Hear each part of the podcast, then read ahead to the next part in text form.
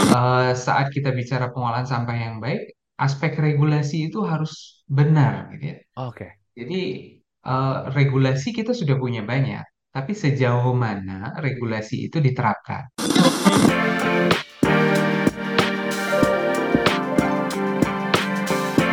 Hai sahabat TCID, kalian sedang mendengarkan podcast Suara Akademia. Ngobrol seru isu terkini bareng akademisi. Daerah Istimewa Yogyakarta. Memang istimewa banget daerahnya ya. Banyak kampus, eh, banyak wisatawan yang datang, dan banyak masalah yang muncul di timeline sosial media kalau ngomongin Jogja gitu. Soal keamanan, beberapa waktu yang lalu sempat eh, ramai soal kelitih. Eh, beberapa hari ke belakang, dimulai dari hari ini sampai beberapa hari, kayak misalnya di hari Rabu, eh, Selasa, Senin, Minggu, banyak mahasiswa baru yang punya masalah dengan persiapan untuk masuk kampus. Dan di lain hal itu, ada permasalahan sampah yang lagi menjadi eh, urgensi untuk daerah istimewa Yogyakarta karena tempat pembuangan akhir di DIY yaitu TPA Piyungan sementara ditutup dari akhir Juli sampai dengan awal September 2023. Ini membuat beberapa titik di kota Jogja di jalan-jalan besar itu terjadi penumpukan sampah dan ya ini membuat eh, masyarakat Yogyakarta sedikit resah, bukan sedikit lagi sih, udah resah banget gitu ya dengan situasi ini. So, kita bakal bahas ini di Suara Akademia. Em, nama saya Muhammad Syarif, saya podcast produser dari TCID, dan untuk episode kali ini kita bakal ngobrol bareng sama Pak Dr. Hijrah Purnama Putra. Beliau adalah dosen Prodi Teknik Lingkungan dari Universitas Islam Indonesia, kampus yang menjadi host partai TCID di Jogja. Halo Pak Hijrah, apa kabar Pak? Alhamdulillah baik, Mas Syarif. Oke, Pak Hijrah, pertanyaan saya pertama dan basic nih Pak. Ini pertanyaan yang mungkin eh, sering di eh, apa ya ditanyakan ke Pak Hijrah nih. Tanggapannya nih Pak soal TPA Piyungan gitu. Karena ini kayak bukan yang pertama ya Pak Hijrah ya. Betul sekali, sudah yang ke beberapa kali. Hmm. Gimana Pak tanggapannya Um, Pak mengenai kasus ini Pak? Hmm, silakan. Oke, eh, terkait dengan sampah, jadi menarik. Setiap rasanya setiap orang sekarang ngomongin tentang sampah ya. Hmm. Beberapa hari ini gara-gara sampahnya tidak diangkut karena TPA-nya ditutup ya. TPA-nya ditutup sebenarnya karena sedang ada eh, perbaikan, penataan, sampai nanti ada lahan yang baru sebagai lahan transisi untuk dibuka dan bisa dimanfaatkan lagi oleh masyarakat gitu. ya. Hmm. Namun sebenarnya di balik tutupnya tadi yang terlihat kan tutupnya TPA. gitu. Tapi sebenarnya ada banyak permasalahan lain terkait dengan eh, pengolahan sampah. Tidak hanya persoalan eh, ditutupnya TPA tersebut, tapi ada hal-hal yang mendasar yang lain yang mungkin belum diberesi sehingga tutupnya itu terkesan kok berulang kali begitu ya. Hmm. Kok terus-terusan begitu ya. Ya, mungkin ada permasalahan-permasalahan yang uh, mungkin kita akan bahas di podcast kegiatan hari ini ya. Nah, Pak Hijrah, pertanyaannya adalah em, apa ya volume sampah yang ada di Jogja itu hariannya udah gede banget nih Pak. Sedangkan kayaknya kan TPA yang ada tuh cuman eh, piungan ya. Ini salah satu langkah yang memang tidak pernah diantisipasi oleh pemerintah kah? Atau memang lonjakan volume sampah yang makin hari makin banyak gitu di Jogja Pak? Secara pertumbuhan, pertumbuhan sebuah kota memang setiap waktu itu akan memproduksi sampah dengan jumlah yang terus naik ya, terus naik. Nah, TPA Piungan sendiri itu kan sumber sampahnya dari eh, Sleman, Ya. Kota, dan Bantul gitu ya. Hmm. Nah, eh, kalau kota mungkin sekitar 95 atau eh, lebih besar dari itu yang dibawa ke TPA Piungan. Sedangkan untuk Sleman sendiri di bawah itu gitu ya, di bawah 50% dari total sampah yang diproduksi ya, apalagi Bantul gitu ya. Jadi Hmm. artinya dari segi jumlah sampah memang terus meningkat, tapi memang belum semua sampah yang dihasilkan di tiga wilayah ini dibawa ke TPA Piungan gitu ya. Hmm. Nah, dengan jumlah yang besar seperti itu, tentunya TPA yang sudah dimulai sejak tahun 95 ini menjadi sedikit kewalahan ya untuk menampung kira-kira sebelum ditutup ini sekitar 800 ton per hari yang masuk ke TPA tersebut. Di luar wilayah Kulon Progo dan Gunung Kidul, karena kedua wilayah tersebut memiliki TPA sendiri di luar TPA Piungan. Jadi dari segi jumlah sampah memang yang masuk sudah sangat besar, tapi kalau kita bicara lebih luas lagi, belum semua sampah yang dihasilkan ketiga wilayah ini terba dibawa ke uh, TPA Piungan. Oke. Nah, berarti selebihnya ada pengolahan-pengolahan yang dilakukan oleh masyarakat katakanlah benar pengelolaannya, Hmm. berarti ada keterlibatan masyarakat dalam melakukan pengolahan di sumbernya. Atau kalau tidak benar, berarti ada cara-cara yang tidak ramah lingkungan yang dilakukan oleh masyarakat. Membuang sampah, membakar sampah, ya, Hmm. eh, memasukkan ke sungai, dan seterusnya. Berarti masih ada aktivitas masyarakat yang mengembalikan sampahnya ke lingkungan dengan cara yang tidak ramah lingkungan. Oke. Perbaikan tadi Pak Hijrah sempat mention nih bahwa TPA Piyungan tuh kayak dalam masa maintenance tanda petik gitu ya Pak ya. Sekarang makanya ditutup gitu. Em, apa ya Pak? Karena melihat di sosial media, melihat di pemberitaan sepertinya itu menjadi em, hal yang tertutup gitu. Orang hanya taunya TPA Piyungan ditutup, sampah di Jogja bermasalah, orang pada buang sembarangan gitu ya. Sampai jadi em, ada beberapa sampah yang dilukis oleh seniman, direspon oleh seniman dan jadi em, tren baru gitu. Sebenarnya apa yang dibenerin sama TPA Piyungan ini? Oke, secara desain TPA Piyungan itu kan dimulai tahun 95 atau 96 gitu. ya. Hmm. Nah, saat didesain itu perkiraannya sekitar 20 tahunan. gitu. Artinya sebenarnya tahun 2015-2016 dia sudah habis masanya. gitu. Oke. Tetapi dia terus di apa dimodifikasi ya, ditambah lagi supaya jadi eh, menampung sampah tadi ya syukurnya sejak 2016 sampai 2023 masih bisa beroperasi gitu. Tapi sebenarnya kan kalau kita lihat ada kejadian di 2019 ya, 2020 gitu, sebagai penanda bahwa eh, TPA ini sedang bermasalah gitu.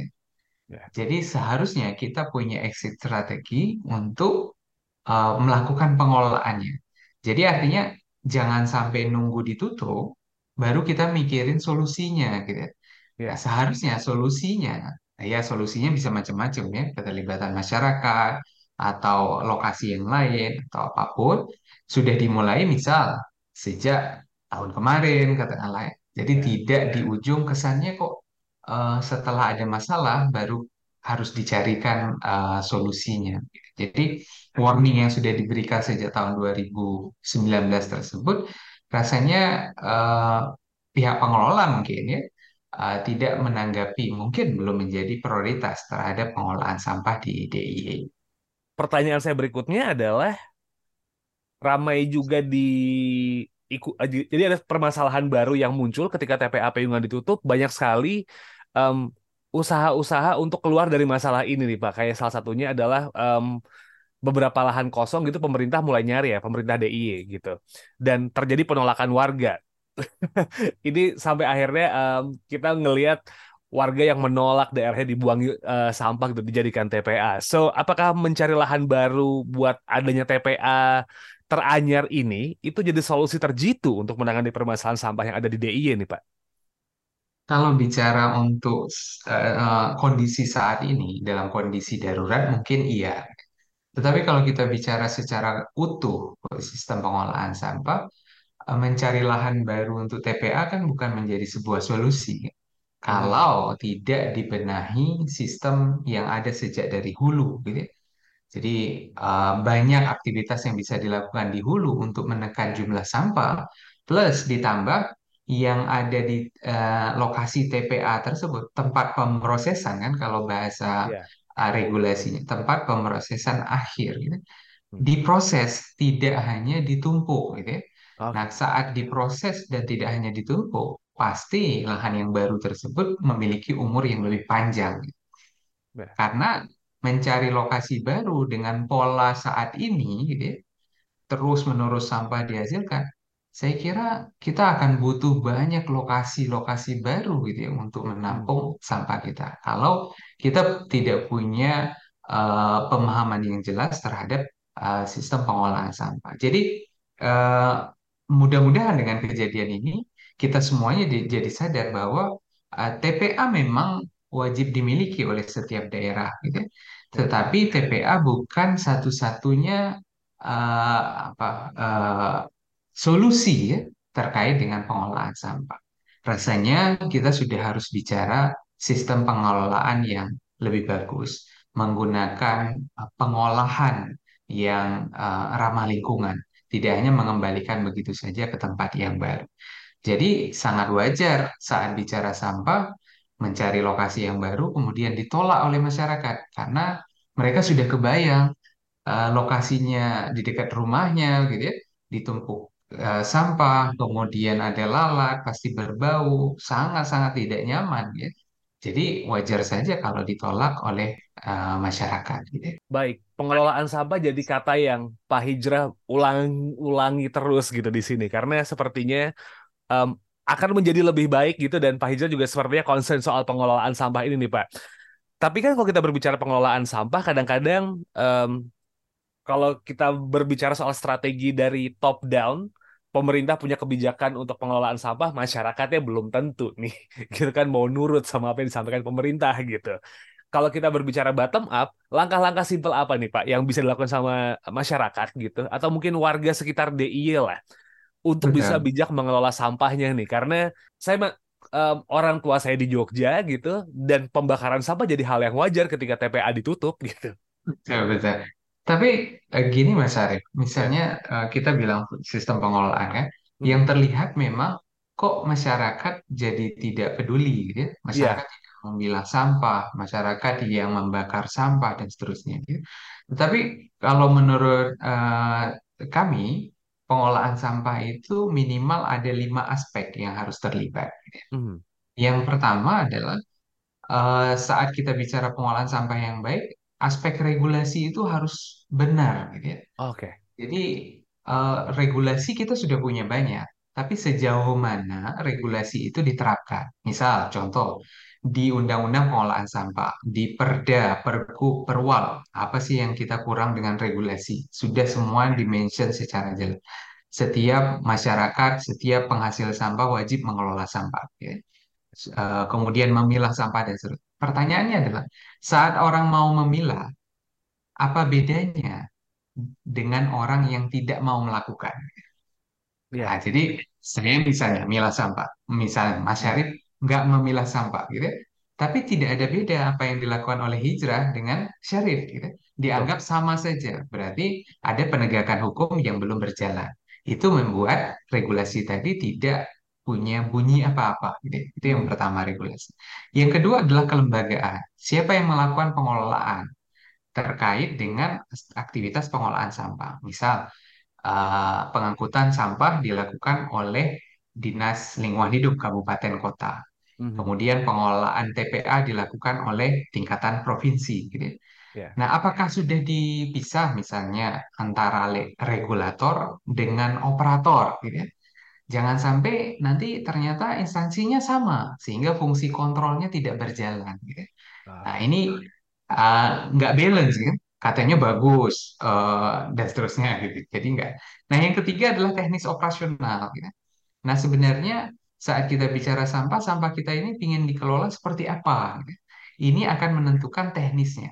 Misal di masyarakat diharapkan adanya bank sampah. Gitu. Mhm. Berarti motifnya adalah recycle. Gitu.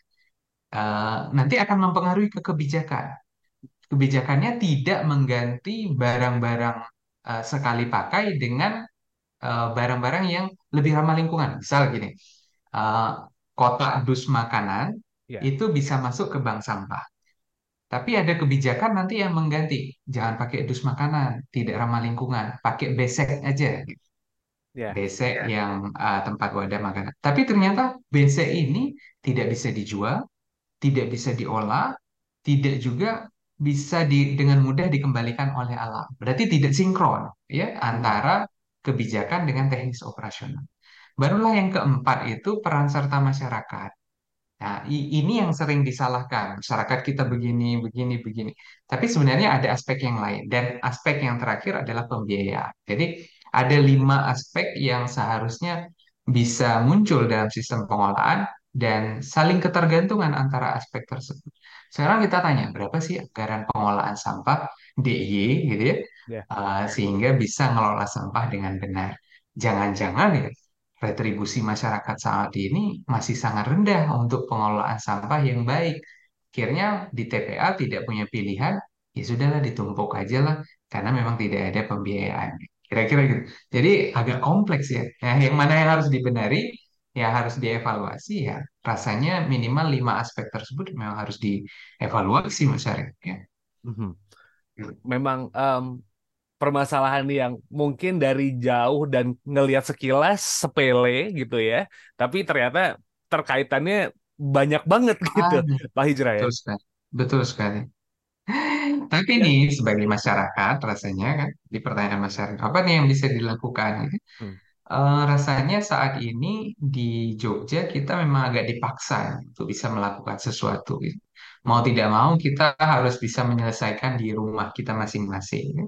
Lewat berbagai macam cara yang dibangun gitu ya.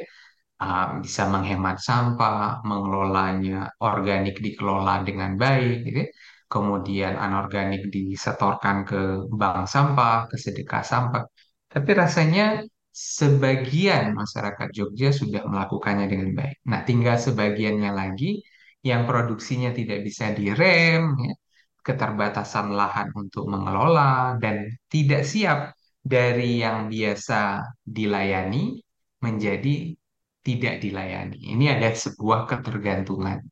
Nah, eh, mudah-mudahan dengan kejadian ini kita bisa tahu bahwa eh, pengelolaan sampah memang menjadi tanggung jawab yang melekat ke individu yang kita sebenarnya punya aktivitas yang bisa mengurangi sampah yang harus dikirim ke TPA tersebut.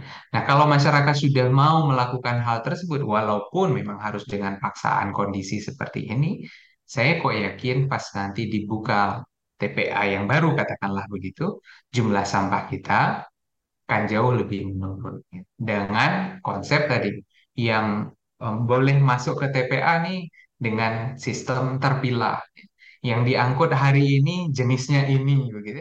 Jadi harus muncul sebuah kebijakan, jangan eh, saat ini ditutup kerannya, ibaratnya sebuah keran gitu ya.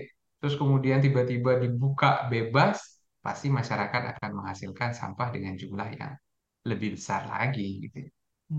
Oke. Knowledge soal pengetahuan memilah sampah juga jadi eh, permasalahan nggak sih Pak Hijrah? Karena saya masih sering nih ngeliat di tempat umum, kadang-kadang kan biasanya tempat sampahnya dipisah gitu ya, mana yang organik, mana yang bisa recycle, mana yang enggak gitu. Masyarakat tuh asal buang aja gitu. Does it mean pengetahuan masyarakat soal sampah ini juga sepertinya harus digali, di apa ya, diperbanyak lagi gitu, karena kayaknya masih banyak yang asal buang aja gitu. Betul sekali. Jadi eh, dalam sistem pengolahan sampah, pemilahan sampah itu jadi pintu gerbang untuk Hmm. bisa melakukan pengolahan yang lebih baik. Saat sampah tercampur, dia akan sangat sulit sekali untuk dikelola. gitu. Ini eh, menjadi poinnya. Jadi masyarakat memang diminta untuk melakukan pemilahan sampah. Tapi kalau kita bicara regulasi tadi seperti yang saya sampaikan, semua regulasi bicara tentang pemilahan sampah. Mhm. Tapi ternyata kita sangat rendah keterlibatannya dalam sistem pengolahan sampah. Berarti pemerintah perlu mengevaluasi saat diminta untuk memilah sampah, tapi masyarakat nggak bisa milah sampah. Berarti seharusnya ada mekanisme yang lain gitu ya, yang bisa dilakukan. Contoh ya, oh eh, sampah harus dipilah menjadi katakanlah tiga jenis gitu, organik, anorganik, residu. Ya. Nah, saat masyarakat diangkut dengan konsep berbarengan, ada kekhawatiran masyarakat. Saya udah milah, nanti di truk sampah di Campur dicampur lagi, lagi, betul. ya. Nah, berarti harus ada mekanisme. Misalnya banyak negara-negara yang menerapkan sistem pengangkutan sampahnya di hari yang berbeda. Organik hari Senin, anorganik hari Selasa, residu hari Rabu misalnya kayak gitu. Jadi dipaksa oleh eh, teknis operasional pengangkutan sampahnya supaya masyarakat milah sampah. Dan harus punya regulasi yang jelas juga supaya saat sampah tercampur ya tidak bisa diangkut gitu ya. Jadi Hmm. tidak dilakukan pelayanan tersebut. Nah, mungkin hal tersebut yang menjadi penting konsen kita bahwa pemilahan sampah wajib sebenarnya dilakukan karena saat tidak dilakukan akan mempersulit proses selanjutnya gitu. Baik. Jadi pertanyaan terakhir saya nih mungkin Pak Hijrah. Kalau masalah ini tidak ada penanganan yang serius nih, tadi kan sudah ada lima variabel ya yang Pak Hijrah mention gitu, kayak dari regulasi, um, operasional seperti apa sampai di titik biaya gitu. Ini diselesaikan dengan cara yang panik atau tidak terencana dengan baik. What will happen dengan pengelolaan sampah di Jogja? Apakah bakal gimana dan impact-nya dengan lingkungan seperti apa nih Pak? Oke, banyak orang yang sebenarnya sejak 2019 ya, sudah meramalkan bahwa sampah ini menjadi bom waktu. Bahkan Hmm. di koran kita, di DIY, ya, sudah punya headline pada saat 2019 tersebut, bom waktu TPA Piungan. Sebenarnya ya dengan konsep yang ada saat ini kita sedang uh, tinggal menunggu waktu meledak. Dan kebetulan di 2023 Juli ini, eh kok meledak dengan jumlah waktu tutupnya yang panjang. Jadi rasanya dengan kejadian ini kita perlu membenahi nih. Oke, sistem daruratnya berjalan. Uh, yang penting ada pelayanan kepada masyarakat untuk menghindari hal-hal yang lain yang tidak diinginkan, terutama kesehatan yang nanti juga berhubungan dengan aspek estetika, uh, wisatawan akan berpengaruh, hubungannya nanti ke ekonomi, bahkan mungkin dengan konflik sosial. Karena tadi masyarakat saling buang di tempat orang lain, akhirnya ribut, bentrok, gitu ya. Ya. Itu yang harus dihindari. Berarti konsep kedaruratan harus dilakukan.